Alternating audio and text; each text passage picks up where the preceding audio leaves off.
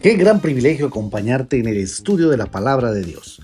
Bienvenido al podcast de la hora silenciosa de Palabra de Vida Guatemala. Descubriremos junto a ti los desafíos que Dios nos dará hoy a través de su palabra.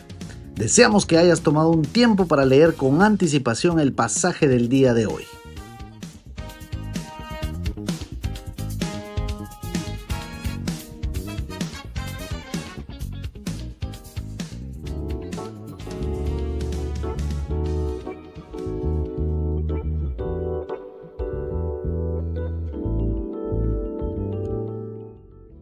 Muy buenos días, qué privilegio nuevamente encontrarnos y estudiar junto a la palabra de Dios.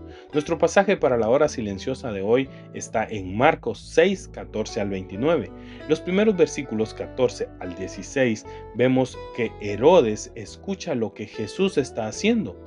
Marcos utiliza el título de rey Herodes porque era la costumbre local llamarle rey, o más bien lo utilizó irónicamente. Y decían, es Elías. Algunas personas pensaban que Jesús era Elías porque estaba profetizado que Elías vendría antes que el Mesías en Malaquías 4:5. Otros pensaban que Jesús era el profeta que Moisés dijo que vendría después de él en Deuteronomios 18:15. Pero Herodes dijo, este es Juan, el que yo decapité, que ha resucitado de los muertos. Herodes temía que Jesús fuera Juan el Bautista. La confusión vino de su propia conciencia. Es difícil ver claramente quién es Jesús cuando estamos en pecado y rebelión.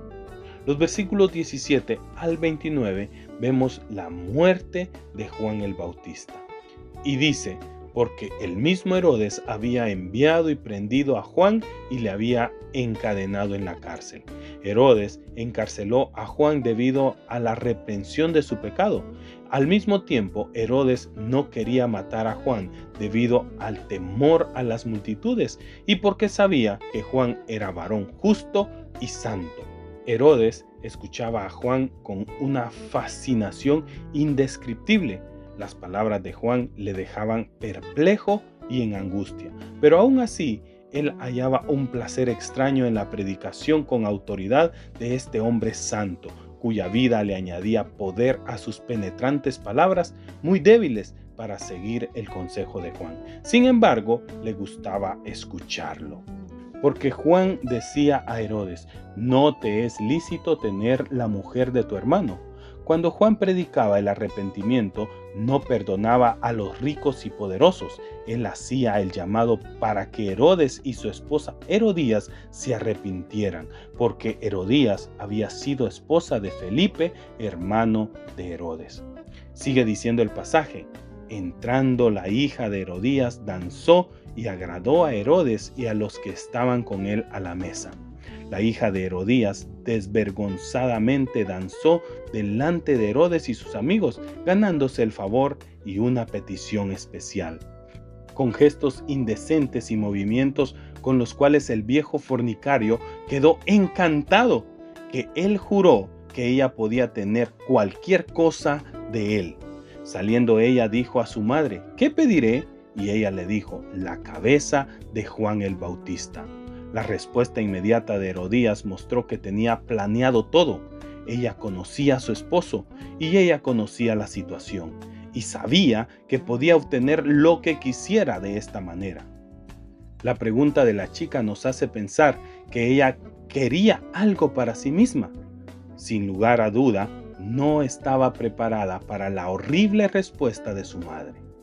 Y el rey se entristeció mucho pero a causa del juramento y de los que estaban con él a la mesa, no quiso desecharla. Por el temor que tenía Herodes de hacer enojar a su esposa y de perder prestigio delante de sus amigos, él hizo algo que sabía que estaba mal. Por eso, vívelo.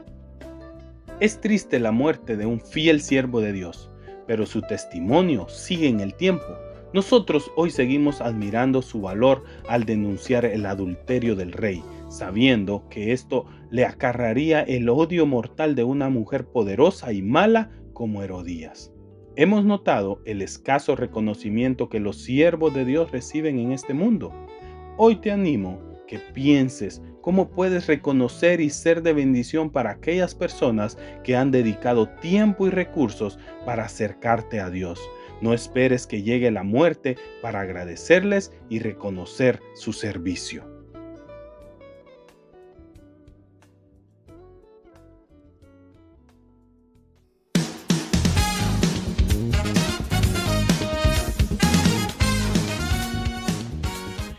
Es emocionante saber los tesoros que Dios tiene en su palabra para nosotros.